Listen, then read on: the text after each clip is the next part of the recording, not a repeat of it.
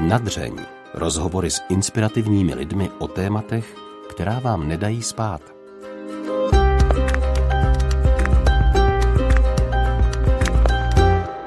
Možná ten příběh znáte. Když bylo Josefu Suchárovi, tehdy tajně svěcenému knězi, něco okolo 20 let, narazil v lesích Orlických hor na rozpadlý kostel. Na tom opuštěném místě dal Bohu slib, který vedl k vybudování unikátního místa a združení Neratov. Možná si také vzpomenete na neobyčejně krásnou prosklenou střechu kostela.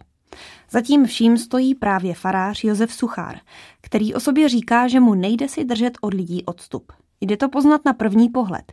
Ještě než jsem přišla v den rozhovoru do práce, už si živě a se zájmem povídal u kuchyňky proglasu s mými kolegy. Proč musel zavést pravidlo, že její mladí nemůžou oslavovat jinak než pane faráři? Je pro něj těžké žít v celibátu? A v jakých chvílích nejvíce vnímá samotu kněžství? Josef Suchár byl neobyčejně otevřený o věcech, o kterých se v církvi za stolik nemluví. Povídali jsme si také o tom, jestli může z vlastní zkušenosti říct, že jde s Bohem uzavírat dohody. Také jestli je dobré si věci přát, anebo máme spíš čekat na to, co nám Bůh připraví. Co vám budu povídat? Byla to opravdu radost si s tímto člověkem povídat. Krásný poslech vám od mikrofonu přeje Alžběta Havlová. U mikrofonu vítám pana faráře Josefa Suchára. Dobrý den. Dobrý den, přeju. Vy jste mě před rozhovorem varoval, že, že někdy vaše odpovědi můžou být delší. Máte možnost si vždycky popovídat s někým, když to potřebujete ve vaší komunitě v Neratově? Ne. Je farář sám? Někdy ano. A pomáhá tomu komunitní život, aspoň trošku? Určitě ano. Takhle, eh, otázka je, jak, jak vnímáme komunitní život. Jedna věc je to, když máme komunitní život, myslím si, že ten samozřejmě by měl být formou a náhradou rodiny. Něco podobného jako rodina. A pokud člověk žije v komunitě, tak tam je začleněn a patří do té rodiny která ten klasický rodinný model kopíruje. Ale my třeba v Neratově nejsme přímo komunita tak, aby, abychom dělali všechno společně. Protože každý, každé ty rodiny si žijí svým rodinným eh, způsobem života. Protože na začátku jsme to tak měli, že jsme byli tak jako víc pohromadě a a tak dál, i, i v tom jako- společenství, jako, no. A, i s těmi lidmi s různými handicapy a, a problémy, ale zjistili jsme, že to není tak jako úplně pro ten rodinný život, protože když to máte všechno dohromady, tak je to takový, no, trošku bych řekl až socialistický. Jako a, mm-hmm. a, a ta každá rodina potřebuje taky víc té své intimity a, a něco potřebují ty děti a tam jsem se naučil taky i to, že je strašně důležitá ta různost. A i ta komunita se vždycky pere s tím, co uděláme, že to děláme společně, což sebou nese určitý druh uniformity, mm-hmm. jako, že to tam do toho dáme. A ta jinakost, která by tam měla být, která je součástí evoluce, která je něčím, co je strašně důležitý, aby bylo, aby bylo z čeho vybírat, aby, aby tam byla ta pestrost, aby to společenství si různě mohlo vybrat to, co potřebuje. Protože když to tak trošku sešněrujete těmi pravidly, protože ono to jinak nejde. Eh, musí být nějaká identita, něco, jak to předáte, něco, jak to bude, hm, eh, aby se v tom dokázali ostatní orientovat, tak to musíte nějak popsat. A každý popis sebou nese jako už to Eh, už tu, už tu definici té konkrétní skutečnosti nebo toho prostředí, jak jedná ona každá rodina, protože každý člověk je jinačí a ty věmi tam má, tak aspoň ty rodiny to potřebují mít, aby ty si to mohli dělat takhle, ty to mohli dělat takhle a potom eh, se na to mohlo nějakým způsobem navazovat. Je to mnohem složitější, ale je to ličtější. Jo. Takže, no a to, to je takový to, co, o co se nějakým způsobem i u nás snažíme, že těch eh, možností je více, takže to není vyloženě komunita, když uh-huh. bych to použil jako tady eh, v téhle rovině. Uh-huh. A s tím se pojí i potom takové to, že tam někdo může se cítit i sám. Vy jste Neratov zakládal s eh, nějakými rodinami nebo s lidmi a stalo se, že někteří třeba odešli, tak jak to v životě chodí. Naučí se farář eh, v průběhu života, který vlastně jakoby prožívá sám v celibátu, tomu, že se nemá vázat na nikoho? Eh, takhle je to podle mě, říkám svoji životní zkušenost, je to celoživotní boj. A říkám přímo boj, protože víte, jestliže kněz je ten, který má pomáhat lidem eh, nejen unést, ale i objevit ten boží rozměr eh, a krásu života s Bohem, a jestliže přijmeme to, že eh, společenství s Bohem je společenství těch, kteří se mají rádi, mít rád je spojeno se slovem láska, jako, protože v tom božím podání to tak je, protože je to vztah, který je dávající, ne ten obchodní. Já tě budu mít rád, když ty mě budeš mít rád. Prostě si to nějak jako výjdeme, aby, aby, ale tam je to spojeno s tím dáváním. A to dávání by mělo být Eh, ne protože to je napsaný, že to je v nějakých regulích, nebo, ale protože tě mám rád. To není tak jednoduché, jestliže potom chcete, aby to bylo pravdivé, tak je spousta i těch emočních věcí, které se objevují a musíte si hlídat to, aby to nepro, nepřekročilo tu hranici, která mm, by pak vedla k nějaké závislosti nebo, ne, nebo i některým věcem, které jsou tím nějakým způsobem zapovězeny v, v mhm. celibátu.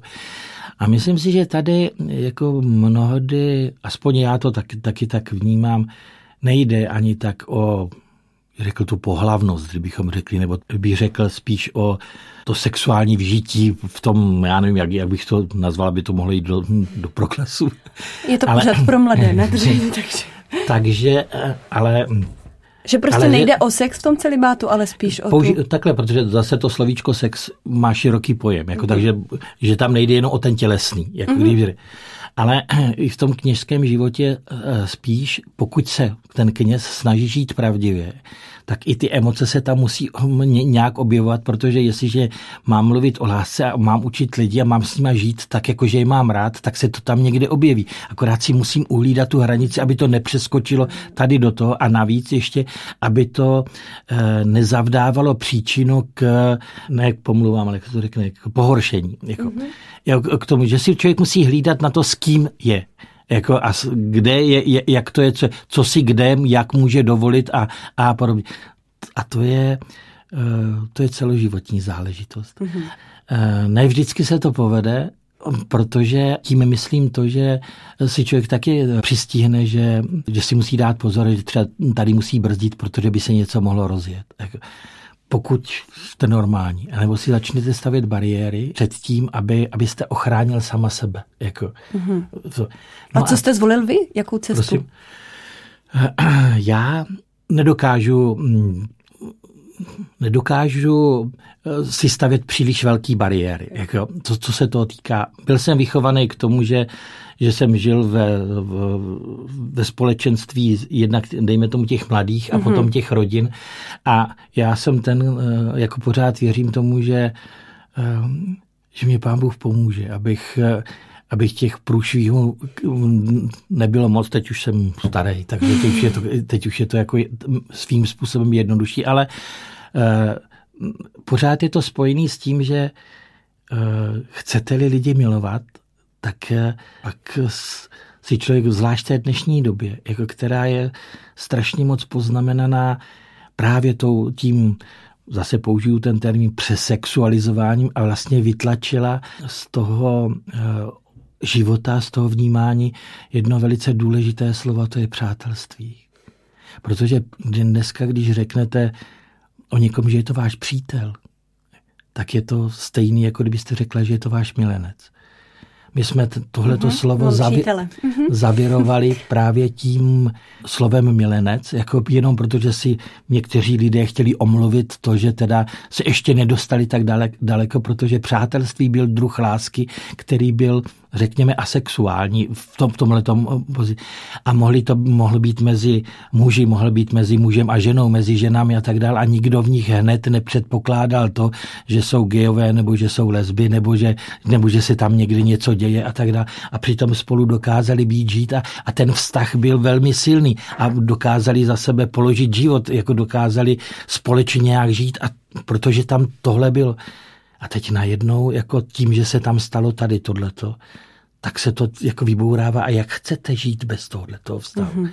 Tak protože těch různých předsudků a, a bych řekl i to, jak to je od malička, jsou k tomu všichni, všichni vedeni, že když se podíváte na všechny seriály a na všechno, na televizní a filmovou produkci, tak pokud se setkám s ženou a jsou spolu na večeři a neskončí to v posteli, tak buď to je úchyl, nebo ji zabije. Jako, a v zásadě nic mezi tím, jako že by tam jako to mohlo být i jinak. Mm-hmm. Jako, tak a pak do, do toho vstupuje strach rodičů, který teda, když jde kluk s holkou někde někam, tak hned mm, samozřejmě z tohohle toho musí mít strach, že? Ale tím pádem i ten pojem té svobody a toho, co ještě já jsem měl, aspoň jsem tu měl možnost zažít, jak na táboře, eh, dejme tomu jako na, na Americe, tak, tak mezi svými přáteli, že jsem to tak vnímal, žil, cítil, proto jsme vlastně začínali i takhle a mě spoustu věcí vůbec nenapadlo. Jako, že by, jako, že by si někdo mohl myslet, nebo že by Prosím, a stal nějak... jste se někdy terčem pomluv právě, jak jo, říkáte? Jo, to víte, že jo. Tak to je, to uh-huh. už je potom jedna z těch věcí. A já jsem si to uvědomil třeba i tady tuhle tu věc nejvíc na začátku, když jsem nastoupil do, jako mladý kněz do eh, Kunvaldu, uh-huh. jako do první farnosti a tam jsem začal, ve, ve škole jsem měl tři třídy na náboženství a dělali jsme divadlo a, a všechno možné byl jsem takový velký nadšenec, co se toho, tohohle toho týká. A pak jsem jednou jel ze Žamberka autem a potkal jsem tam, jako na jsem začínalo pršet a potkal jsem tam jednu z těch eh, děvčat, to nevím, že byla ještě v devítce nebo tak nějak. A eh, znal jsem ji z, z kostela, z, z, i z toho divadla takhle, tak jsem ji zastavil, že ji vezmu domů. No ne, ne, ne, já jako nepůjdu a no, teď prší. A ne, to já to mám kousek říkal, tak dobře, nic se neděje. A dojel jsem eh, na faru a tam na faře byla paní učitelka, to bylo skoro 80 roku, taková stará paní, která řídila tu faru. A tak jsem se jí právě, eh, taky jsem jí potom říkal, představ si, tam jsem potkal tuhle Alenku jako a pršel, chtěl jsem jí vzít, vzít do auta a ona nechtěla, nevíš, jako ne, co, co se děje. A a ona mi říká, no víte, pane faráři, no vy jste takovej hodnej a hezký, ale oni lidi mají strach, aby náhodou a teď teda ve mně harklo a mhm. tohle teda bylo, jak kdyby mě dal někdo pěstí. Jako, protože jsem si říkal, tak oni si myslí, že jsem úchyl, nebo, nebo, nebo že tady budu někdy někoho svádět, nebo, nebo. No a pak jsem o tom začal víc přemýšlet a můžu říct, že to jako mě bylo tak asi týden mi bylo strašně zle. Jsem říkal, jako jestli jsem zavdal někdy příčinu k tomu, že si něco takového můžou myslet, nebo da, prostě bylo to pod prach mýho rozlišování, že bych něco takového udělal. No a pak jsem to začal tak jako rád jsem říkal, no jo, ale jako co si ty lidi mají myslet, když jsme si normálně tykali se všema, jako já jsem byl zvyklý z tábora. Jako a, a, a, a pak jsem si najednou uvědomil, že a i, i to, že když jsem koukal na tu televizi, jak to je, a začal jsem si ty věci skládat dohromady, no a tak jsem se z toho poučil i s tím, že teda všem mladým jsem uh, už netykal, a teda když jsem potom šel na, na tak dejme tomu, některým jsem uh, tykal, ale já jsem byl pro ně pan farář. Mm-hmm.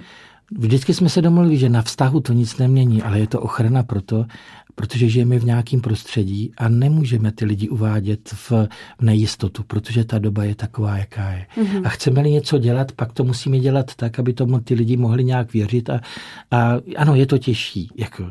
A tak to byl jeden z takových těch motivů, který se mnou hodně zamával a když jsem si některý z těchto těch věcí uvědomil a začal jsem si na to třeba, jdeme tomu dávat víc pozor. Mm-hmm. Tomu to asi úplně ani nepomáhá teďka eh, všechno to řešení ohledně sexuálního zneužívání kněží. O, no, to určitě. Jako to, já si myslím, samozřejmě je to velikánská bolest, bohužel jako všechny tady tyhle, ty, bych řekl, jako výbuchy, které tady jsou, tak eh, tomu samozřejmě eh, zavdávají, ale jako, hm, co si budeme povídat, jako ono, nese to sebou taky, taky to, že pro mě pozitivní, že kně se začíná stávat trošku člověkem. Byť teda ho mají za úchyla, ale aspoň, aspoň že, je, že je člověk. Jako.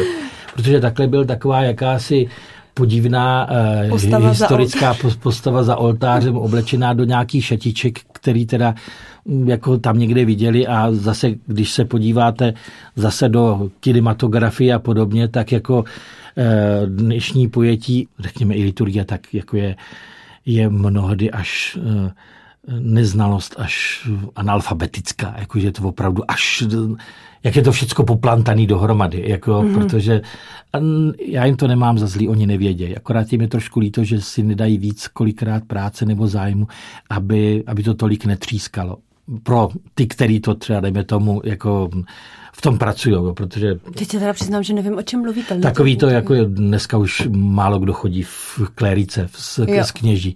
Navíc ještě ten čepeček, jako ten, ten, ten, ten, ten eh, kvadrátek, který má na hlavě, no a kolikrát to máte pořád v tom, jako že to je něco, co je normální. Ale to už normální není. Jako. A stejně tak, jako i třeba, dejme tomu ten způsob eh, toho, jak je slavená eh, bohoslužba, nebo tak, tak protože oni tam nemůžou dát celou nebo podobně, tak ty části, které tam jsou kolikrát vůbec nenavazují na sebe. Nebo to, no, je to, já nevím, no, tak jako zase je to z profesionálního prostředí. Jako když jste profíka, já si stejně tak myslím, že se uh, třeba doktoři rvou vlasy, když tam vidějí někdy seriály o nemocnici nebo podobně, že někdy je to tak jako eh, prostě posunutý, protože to potřebují filmově zpracovat a nemůžou se zahloubat do toho prostředí nebo do, do té problematiky natolik, aby to bylo věcně všechno úplně správně. Mm-hmm. Asi tak nějak, no. Hm, teď dám příklad z téze. Francouzské vesnice, kde se mniši, tedy řádoví bratři, denně potkávají se spoustou mladých. A taky čas od času se někdy stane, že se některý bratr zamiluje a z řádu odejde. Což si teda já osobně vysvětluju tím, že jsou právě v tak úzkém kontaktu s lidmi. A mně Neratov přijde v tomhle trochu podobný. Vy jste tohle nikdy řešit nemusel? Ta, určitě, jako určitě ano, jako to ne, nepopírám. Tady tohleto právě, protože když jste s někým příliš blízko, třeba jdeme tomu, tak eh, vznikají vazby a vztahy, kdy, a to je taky taková ta věc, kdy si, na, na kterou si vždycky musíte dávat pozor, že máte někoho, eh, kdy, zvlášť když máte nějaké společenství, kdo je vám blíž, se kterým vlastně si nemusíte nic moc vysvětlovat, protože jedete na jedné vlně. Takže stačí se podívat a on už chápe. Mm. Jako, což sebou nese zvláště ve třeba farnosti a nebo tak, jedna, jednu z takovou věc, která je trochu závisti a trochu bolesti lidí, že eh, oni, pokud ten kněz je hodný a oni cítí, že je má rád, takže nemůžou být taky tak blízko. Mm-hmm. Potom se mnohé věci eh, jako odvozují a jdou třeba jdeme tomu i dál eh, s tím, že je to někdy um, samozřejmě víc, než, eh, než se normálně děje, ale působí to tak. Jako a zase v té, v té dnešní době tak hold jako, je to takový jako potom hodně, hodně složitý a tohle to jsou věci, které jsou hodně, hodně těžké. Jak to jde, protože každý má sympatie k někomu nějak.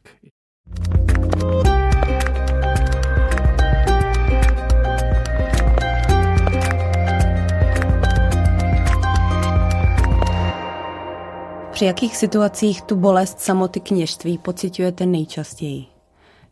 Já to třeba to řekl, Vánoce? Ne, ne, je zajímavý, že Vánoce ani tak ne. ne co se mě týká, tak eh, jsou to jenom někdy takový, eh, takový vlny, jako třeba dejme tomu, kdy eh, kdy se člověk třeba, dejme tomu, dívá na romantický film, třeba, dejme tomu, nebo je, je tam... Ty a, filmy. A nebo když je, otáz, je tady takový ten otazník, jestli, když mám jít na, dovo, na dovolenou, jako jak jet, když nechcete nikoho otravovat, když nemáte třeba, jdeme tomu přímo někoho na té jako nosný vlně a jet někam sám, tak pro mě aspoň je, je hrozně těžký jet tak, aby, eh, aby to, co vidím a to, co je krásný, tak aby člověk měl s kým sdílet. A to je takový to, že někdy potřebujete jako mít někoho sdílet s ním to, co vnímáte a cítíte. A ne vždycky se to daří udělat tak, jako aby člověk, jak se u kněze předpokládá, že jde k tomu svatostánku a dejme tomu, jako si tyhle ty věci vyříká v kostele s, eh, s Kristem. Já mám tu velikánskou výhodu teď v těch rodinách, který mají i ty děti s tím handicapem a, a podobně, takže já si slíznu tak nějak jako tu smetanu, jako to, že si s těma dětma můžu pohrát, že jsem tamhle, tamhle, že je můžu vzít sebou na, na bagr anebo na, na ty moje hračky a, a, a tak dále, že jsem ten pro ně potom ten fanfarář, který teda tam jako s nima nějak žije a že tak trošku patřím do, do, do těch jejich rodin, že jsem tam a že uh, nemám tu, eh, bych řekl, tu odpovědnost v, té rovině každodenní péče těch bolavých věcí, které jsou, jako je třeba, to, já nevím, hygiena, vsteky, u škola a takovýhle to, co vše, všechno se musí, co musí ty rodiče udělat mm-hmm. s, s tím. Ale můžu s nimi být tehdy, když, eh, když můžu. Jako. Takže to je taková veliká výhoda tady tohoto. Ale mm, přiznám se, že, že někdy, ten, někdy se tam objeví právě takový to, mm, to stýsknutí si, jako někde uvnitř. Jako, že, že tady nemáte nikoho, o koho se můžete opřít, koho pohladit vedle sebe. V současné době, tak jak je ten i kněžství a celý bát postaven, je to daň za to, že můžete být k dispozici a že nejste vázán odpovědností k někomu, kterýmu jste řekli, že mu dáváte sama sebe celýho. Protože ten svatební slib, který dáváte někomu z očí do očí, tak je to, že mu říkáte, já se ti dávám takový, jaký jsem a tebe přijímám. To je darovací smlouva. A jestliže něco darujete, pak už nad tím nemáte žádný práva. A tam si musíte jo hlídat to, jako jestli ho neokrádáte o, o svůj čas, o, o svoji přítomnost, protože, se, protože jste se mu dal, už nejste pánem svého času. A člověk si musí hlídat, aby to pořád bylo z lásky. A to zase u, i u toho celibátu je jedna z takových těch věcí, kdy já tady nejsem jenom pro tu jednu rodinu a já jsem ten služebník, který jim má pomoct, aby tohle objevovali, chránili, aby, si, aby jim to někdo připomenul, ukázal, řekl, podržel je, aby jim pomohl objevit ten život a nejenom, mm-hmm. dejme tomu jednom. Ale to je zajímavé, že to říkáte, protože já jsem v knížce Zázrak v Neratově četla, že si dokážete představit, že by vlastně kněží byli zároveň i v manželství. Takhle, já si to dokážu představit. Mm-hmm. A jako doufám v to, že třeba jdeme tomu, to nějakým způsobem bude umožněno. Já vycházím jenom z toho, že že ano, tohle je katolická praxe, jako, protože to je možné i u jiných, dejme tomu církví, mm-hmm. jako, a pevně věřím, že je pán Bůh má rád taky, akorát, že to mají prostě daný jinak, tak proč by to nešlo? Ano, je to úzus a je to udělaný tak, že katolická církev to má takhle, respektujeme ty pravidla, ale to jsou pravidla její, jako, který nastavila k tomu, že to bylo potřeba z nějakých, dejme tomu, důvodů, který jsou. A osobně si myslím, že třeba, dejme tomu, taky přijde i ten čas, kdy se objeví to, že pro ten dnešní svět je třeba potřeba to udělat třeba i jinak.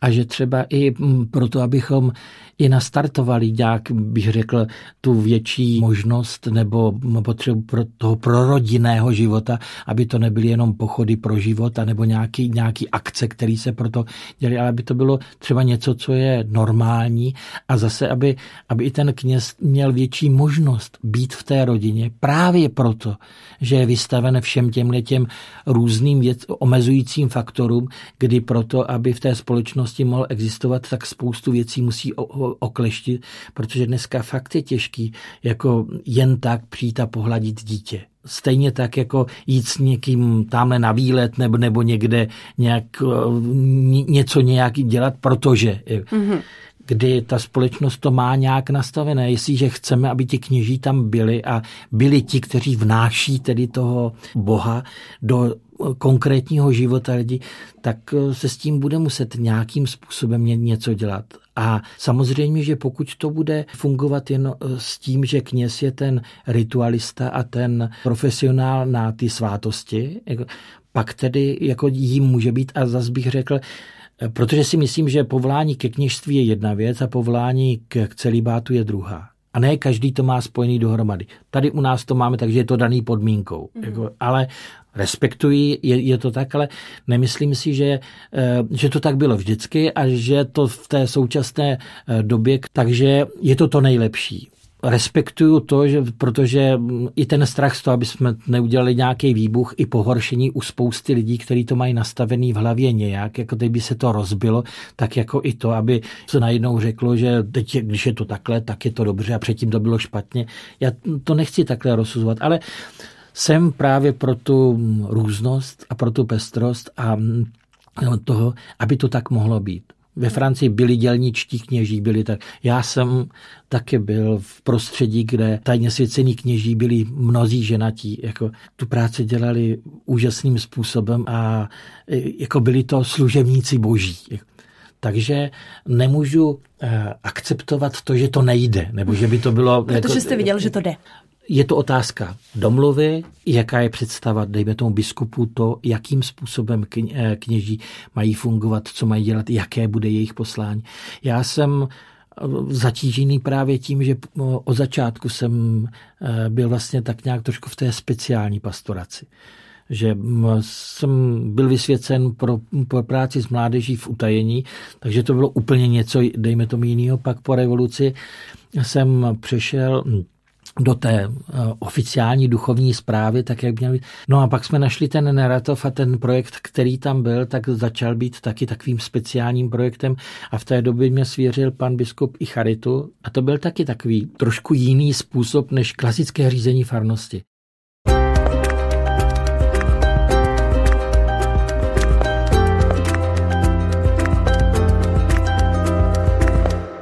Já vás teď budu citovat. I skrze své chyby můžu být druhým prospěšný. Ani mé schopnosti nejsou na druhou stranu zárukou, že danou věc zvládnu. Je to vždy milost boží a to krásně vede k pokoře. Býváte na sebe někdy hrdý? S tím, že vidíte, co jste vybudoval, tady samozřejmě s pomocí ostatních, ale stejně. Když se ohlednete zpět, býváte na sebe hrdý? Um, Nebo pišný? No, asi tak. Já uh, nevím, jestli to, nevím, jestli je to ono. Já jsem šťastný, že jsem tam. Jsem vděčný Bohu, že tam můžu být a že mě tam trpí a jsou, jsou ochotní se mnou pořád eh, žít, fungovat, trpět mi eh, úlety a slabosti, dejme tomu, který prostě mám. A to, že tam můžu být a že to pro lidi kteří přichází a kteří uh, o tom mluví, anebo píší zápisy teď do té naší knihy, která tam je. Určitá různá svědectví těch lidí, že jsou rádi, že to je, tak mě naplňuje radostí. To um, jsem hrdý a pišný na na ty lidi, který, který to tam dělají, že, že tohle, že se povedlo. Jako, právě přes tu slabost, kterou cítím u, u, jak u sebe, tak samozřejmě u každého z nás, protože, uh, protože jsme lidi. Mě zajímá moment, to bylo ještě před revolucí, kdy jste se rozhodl, že jste nezbořený kostel na nebevzetí Pany Marie v Neratově opravíte, pokud vám Bůh umožní někdy sloužit jako kněz svobodně. Myslíte, že vás Bůh vzal vážně? Jo. Já Eh, hospodin, aspoň v mých očích stále je takový velký šprýmař, jako co se toho týká, že on, eh, on slyší naše, naše touhy, naše přání, že nám je předkládá. A nejen, ne jednou, protože když eh, na ně nezareagu, nezareagujeme, mm. tak to zkusí mnohdy ještě znova a jinak. A některé takové ty touhy, které se ozývají, tak Ono to není vždycky jenom jedna ta věc. On se většinou se to skládá. Já pevně věřím to, že to, co se děje v Neratově, tak je mm, vyslyšení modliteb těch lidí, který Neratov nebyl lhostejný a který tam trpěli a kteří za to, aby se aby se ten kostel znovu mohl povstat, tak byli v, třeba i v kriminále, ať z těch kněží, kteří se o to snažili, těch lidí, kteří tam procházeli a, a kterým to hnalo slzy do očí, protože tam byli jejich rodiče křtěný a nebo, nebo tam oddávaný a teď vidí jenom tu zoufalou trosku. A táhne se to se součástí jejich životem v té v té bídě toho komunistického období, který sebou neslo právě tady tuhle tu hrůzu té destrukce těch věcí, těch staveb a, a toho, čemu věřili, že, že je dobrý, že povznáší a to najednou bylo gumovaný. A tak se modlili. Jako, a Bůh vyslyšel jejich prozby a přišel ten čas, kdy se to mohlo eh, stát. A proto jsem to neslyšel jenom já, to není moje věc. Jako, Slyšeli, slyšeli to všichni ty lidi, kteří tam se mnou přišli. A ty, kteří tam přišli a uslyšeli třeba a uviděli nás, jako, že tam nějak blbneme takhle a přišli a pomohli a dali do toho prostředky. A byli ochotní nám tolerovat některé věci, které byly, eh, dejme tomu, ne úplně podle pravidel a pomohli nám to dostat do těch pravidel tak, abychom mohli. A na tom se účastní eh, obrovské množství lidí tím, že jako tomu uvěří a pomůžou tomu. Jako, a to si myslím, že je, že je právě to, co je to mm, poselství toho, tohohle toho poutního místa. Mě eh, zajímá ještě jakoby ta dohoda hmm. s tím Bohem. Dá se to s Bohem nějak jako vlastně fakt něco na výměnu? Může člověk něco dát? Jako když se člověk něco třeba přeje. Já nevím, co jste tam cítil třeba tehdy v tom lese. Hmm. Znám ten příběh, že jste vlastně byli na nějaké bojovce ještě v rámci Ameriky a hmm. objevil jste ten kostel a něco prostě jste tam třeba prožil. Takhle, já v té době jsem uh, viděl ten film Zefirilio o svatým Františku z Asisi, jak on tam staví taky ten, ten kostel San Damiano, takový to hrozně hezký film, že? a taky tam přijde do těch ruin a, a staví ten, ten, ten kostel. A tak když jsem tam byl, tak najednou, to, totiž ten kostel eh, naprosto naplňoval to, co je takový to biblický, když Boha nechválí lidé, bude ho chválit kamení. Mm-hmm. Ten, ten prostor vyloženě volal po, jako v bolesti a o tom utrpení, který se přehnalo přes celý ten kraj a je to taková ta, to volání o pomoc, jako, který tam byl. No a nějak jako já jsem povoláním elektrikář. Elektrikáři opravují mašinky. Jako, a když se něco pokazí, tak se to musí nějak jako opravit. No, ano a já to tak nějak mám v sobě. A vychoval mě tak děda, tatínek a, a i v, pan mistr v Zetoru, který nás tady tohle učil, učil, se, učil nás radovat se z toho, když se něco opraví. Jako, no tak to máte tak nějak jako v sobě a na Americe to bylo to stejné. Jako, a tam se do toho přidalo ještě to, že, že je to i u těch dětí a u těch všech, kteří jsou nám svěřený, takže když se něco pokazí, tak eh, nesete odpovědnost za to, aby ty prázdniny měly krásný. Tak jako když jsou smutný, tak s tím musíte něco dělat. Nebo když něco trápí, tak se to musí dát dohromady. No a od to je krůček to k tomu kněžství. Že jo? Takže tam jde o to, že, že to kněžství je spojený právě tady s tím, že je potřeba opravovat ty věci, které se pokazily, nejenom vyměňovat, jak jsme na to teď jako trošku navyklí. No a jestli, jestli smlouvy, jo, nebo ono. Jaká dohoda, víte, výměna. Eh, víte, hospodin je nekonečně laskavý a dobrý. Takže i tyhle ty úlety, jako že s ním chceme obchodovat a ne, nebo podobně, on to respektuje. Takže právě protože eh, nás stvořil k tomu, aby, aby tady byl někdo, eh, koho on může milovat, a kdo může milovat jeho? Když někoho milujete, tak jako svým dětem taky dovolíte, aby vám prokázali třeba, dejme tomu, radost, někdy zvláštním způsobem, že vám třeba počmárají u brusa nebo stěny. A, a taky za to jenom nenamlátíte, že udělali něco, co je špatně, ale budete respektovat to, že to třeba vidí jinak. A protože je máte rádi. Já takhle vnímám vztah hospodina k nám, takže on nám dle našich možností, když chceme pro něj něco udělat, tak nám k tomu dá prostor, aby nám vyšel vstříc. A taky takovýhle nějaký jako sliby a takový to, já udělám pro tebe tohle a prosím tě, udělej mě tady tohle, tak to, tak to respektuje. I když je to tak trošku úlet, protože přece věříme tomu, že Bůh je dokonale laskavý, že on je tím zdrojem lásky, která se dává. Co můžeme chtít víc, než jeho lásku a přátelství. Dal nám život a navíc nám dal svobodu. Jestliže nám dal tu svobodu a on ji dal a respektuje ji, tak respektuje právě i ty naše úlety tohohle toho způsobu. I vnímání, když jako, co pak nám nedává všechno to, co potřebujeme a ještě víc. A je nějaká touha, kterou máte velkou vnitřní, kterou vám třeba Bůh jako nesplnil v, v uvozovkách? Takhle, u, u mě je to vždycky tak, že Bůh eh, mi, mě dal všechno, ale ne úplně. Aby to bylo tak jako, eh, víš, eh, eh, aby si nemyslel, že dostaneš všechno, jako, že, že nemusíš nic dělat. Jako, jo, tak, že, že je to takový to, eh, pro mě takový to otcovský výchovný. Jo, že mm, vždycky jsem měl všechno, co jsem potřeboval. Když jsem potřeboval auto, měl jsem, ale furt jsem musel opravovat. To byl to, mým úletem jako je, když můžu jezdit bagru, tak mám úžasný 14 tonový bagr, ale furt to musím opravovat, je strašně drahý a tak dále, takže se je to vždycky takový to, uvědom si, co chceš, jako a dávej pozor na to, jako co chceš, protože když jdeš tím světem, tak všechno sebou nese, je to takový to exuperiovský si odpovědný za to, co si sobě připoutal. A to říká i Vácha, že se člověk má fakt pozor dát na to, za co se modlí. A nebo, že se to, Mm. takže taky souhlasíte? Jejda, to víte, že jo.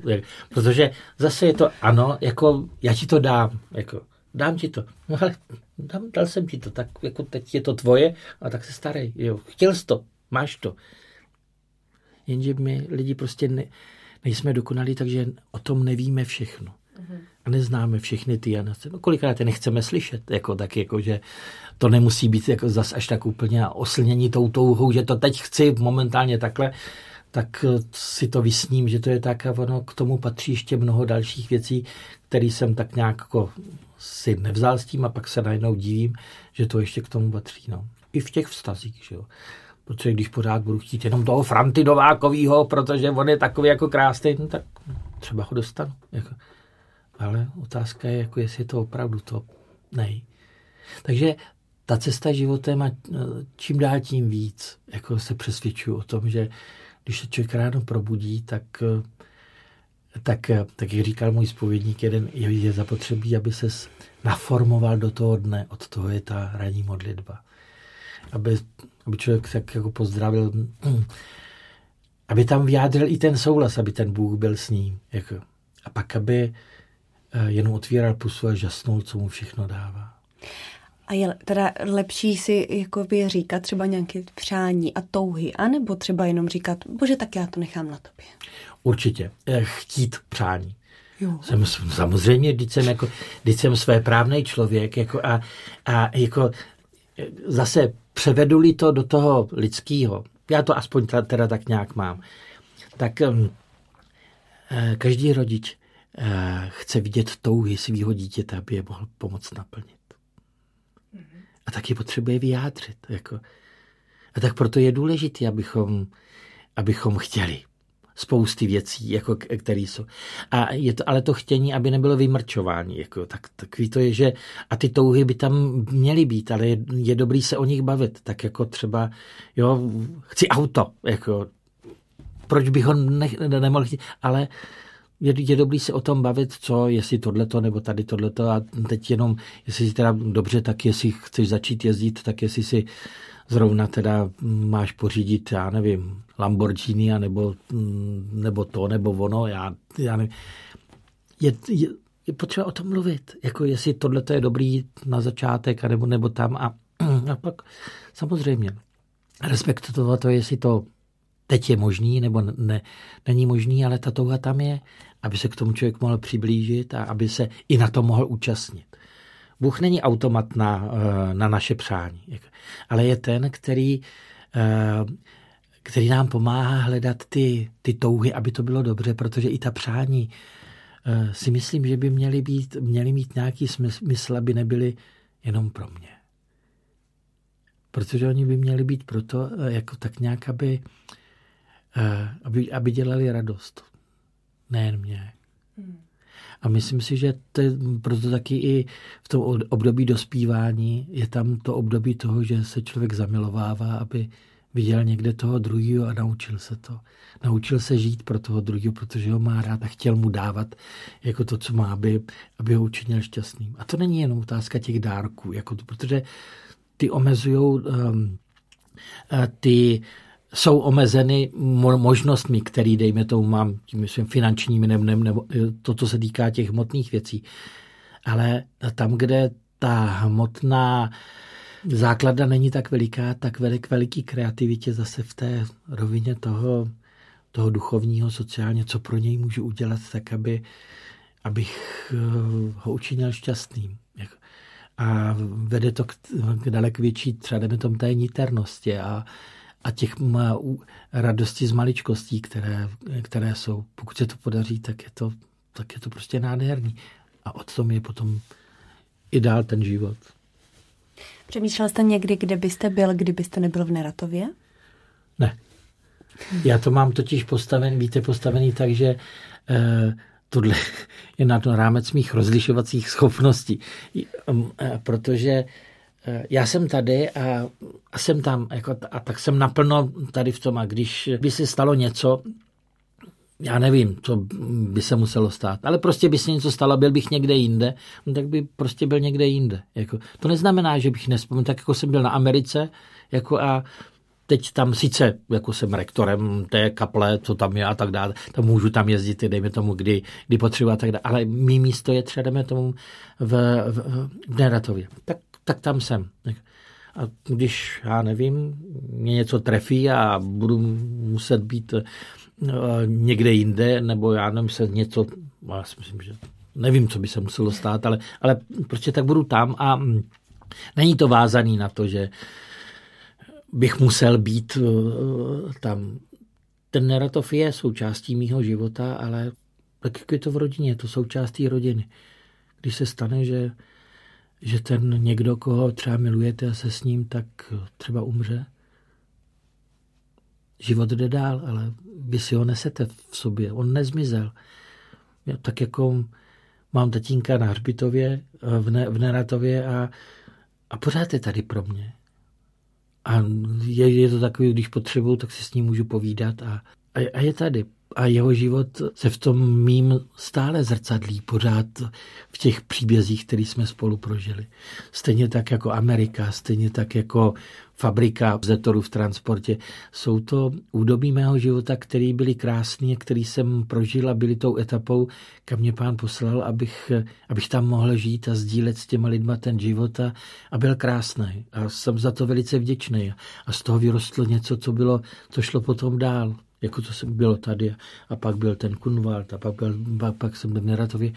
Jako a co si zvolí pán Bůh, vždycky to bude krásný. Jako. Někdy to bolí, ale, ale stejně to bude krásný. Ty krásné věci někdy hodně bolejí. Hmm. My se vždycky našich hostů ptáme na závěr, co by uh, poradili svému 20-letému já? Hmm. Aby nepřestal věřit Bohu. Já bych asi nic neradil. Víte, eh, protože eh, já věřím tomu, že, že mě Bůh pošle tam, kde, kde to zvládnu a kde, kde je to potřeba. On, Tíšek to vždycky říkával, eh, dělej to, co nikdo nedělá. Tam, kde to dělá spousta lidí, tak tam nejseš potřeba. Ono se to vždycky nějak objevilo, že se objevila někde nějaká potřeba a když ji potom děláte, to bylo vždycky tatínkovo, když jsem byl jako kluk a něco jsem dělal, tak to vždycky, když něco děláš, když jsem trošku něco vrtal nebo ušidil, tak to dělej. Dostal jsem lepáka pořádně. Mm-hmm. A, ale jako ne, že bych dostal jako facku, tak ale to bylo, lepáka to je jenom takový to upozornění, takový to, že si to člověk pamatuje, že, že tomu tatínkovi na tom záleželo, aby to bylo, aby to bylo pořádně. No. no a tak člověk by měl věci, který, kterým věří, tak dělat pořádně a, a pak se s tím pojí i, i ta radost a smysluplnost. A samozřejmě i ty nervy, jestli to fakt děláte dobře. A pán Bůh stejně vždycky pošle nějakého anděla, který vás trošku podepře a řekne, jo, je to dobrý. Jako, nebo přiběhne můj ministrant Jarda s, s plišákama a co mě říká pají tak a jdeme spolu a člověk na nich vidí, že jim na mě záleží a že to nějak jako patříte. No tak se jdu dívat na nervózního dětka, ale měl by člověk být pro ně někdo, kdo, kdo je ten hodný. Tak pane Sucháre, moc děkuji za rozhovor. Díky, že jste přijel až z Neratova. Taky moc krát děkuji a mějte se krásně.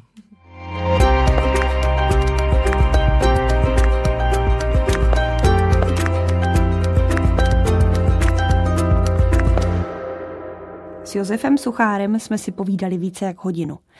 Co se do rozhlasového rozhovoru nevešlo, si můžete poslechnout právě teď. U mikrofonu vítám pana faráře Josefa Suchára. Dobrý den. Dobrý den, přeju. Eh, vy jste mi tady před rozhovorem vyprávěl, eh, že vám jednou jeden lékař řekl, že máte alergii na kostel.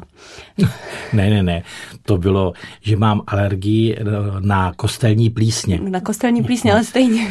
To nějaký, no průdušky, no, takže že se to tam nějaký potvory dostali dovnitř a zlobili. Tak vím, že jsem se s tím na plícní léčebně tenkrát léčil, jakože hledali, co se, co se děje, protože se děli takové jako neobvyklé věci, které mě zlobily. A tak eh, našli akorát tady tohleto a pak to nějak vyšumělo. Já pevně věřím, že když vyleze sluníčko, tak to ty potvory vždycky nějak jako vyžené a mm-hmm. ono, když je světlo, tak ty potvory většinou zalízají, takže Uh, jestli znáte nějakou psychosomatickou medicínu, tak uh, že by to možná znamenalo něco hlubšího, že člověk nechce být v kostele. To tak asi nevidíte, že? Uh, tak co mě se týká, tak, tak uh, úplně ne. A mm, ke kostelům já mám no, svůj takový, bych řekl, velmi zvláštní vztah, protože na jednu stranu je mám velmi rád, protože jsou to domy boží. Jako, byly postaveny jako Eh, dům pro hospodina, akorát, nebo dům setkání s hospodinem, asi tak. A duchovní zpráva poutního místa je také, není normální zpráva farnosti, protože eh, ve farnosti se farář stará o farnost. My s těmi, který tam jsme, eh, jsme vlastně komunita, která vítá poutníky.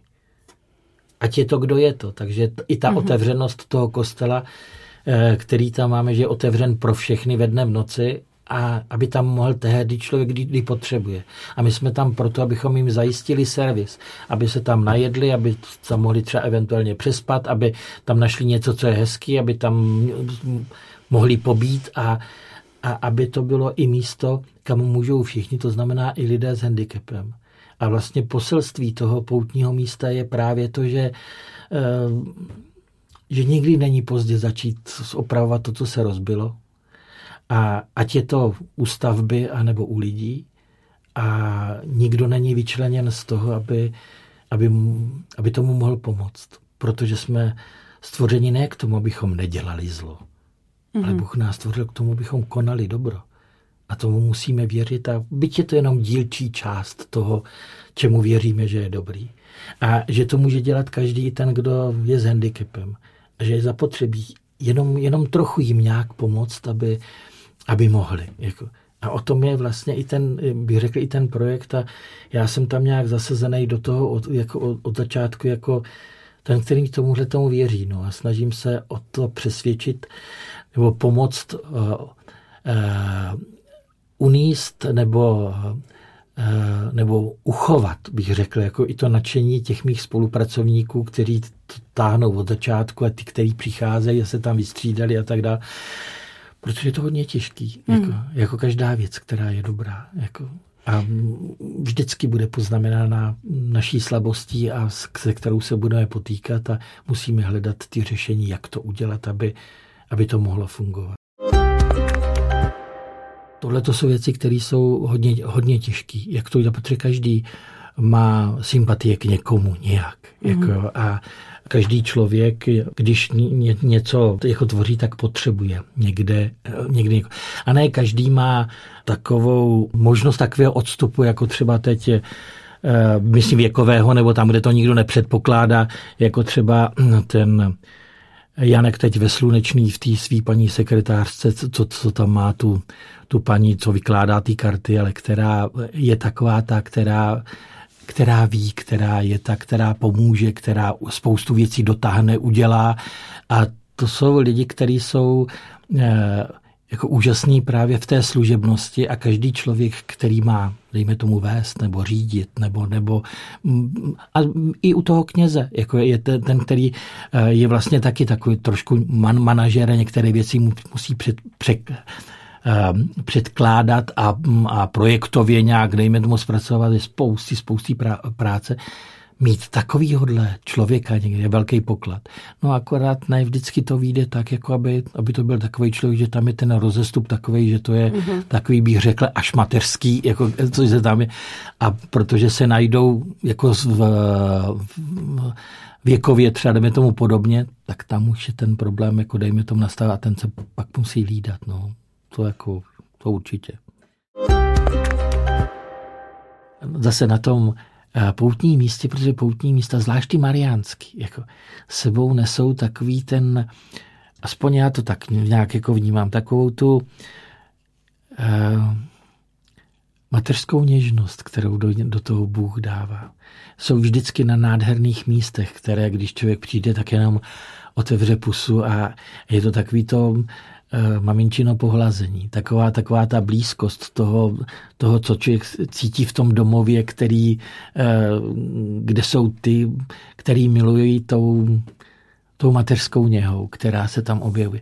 A tohle to jako sebou nesl v celou tu dobu. Proto taky i je to jedna z těch věcí, kdy ten kříž, který jsme tam měli leta letoucí od začátku, jako ten základ a ten, ten symbol, který nám tam vysel v tom prezbytáři, tak pořád, pořád mi tam něco scházelo, protože on byl františkánský strohý, byl takový chlapský do toho kostela. A pořád mi tam scházela ta, ta něha, která by tam měla to, takový to, to pohlazení, který to místo uh, samo o sobě přináší.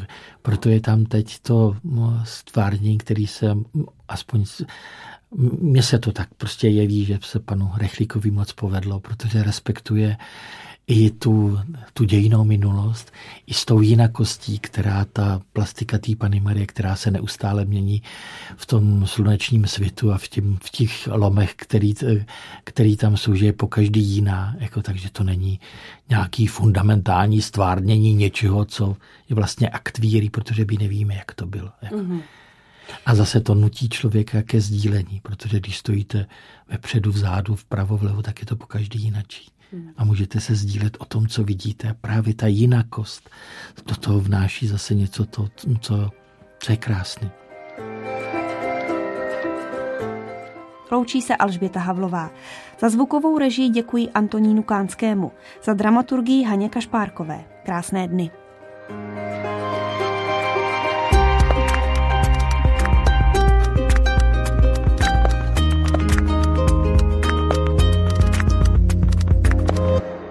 Podcast na dřeň vzniká na Radiu Proglas, které žije z darů posluchačů. Pokud nás chcete podpořit, budeme rádi.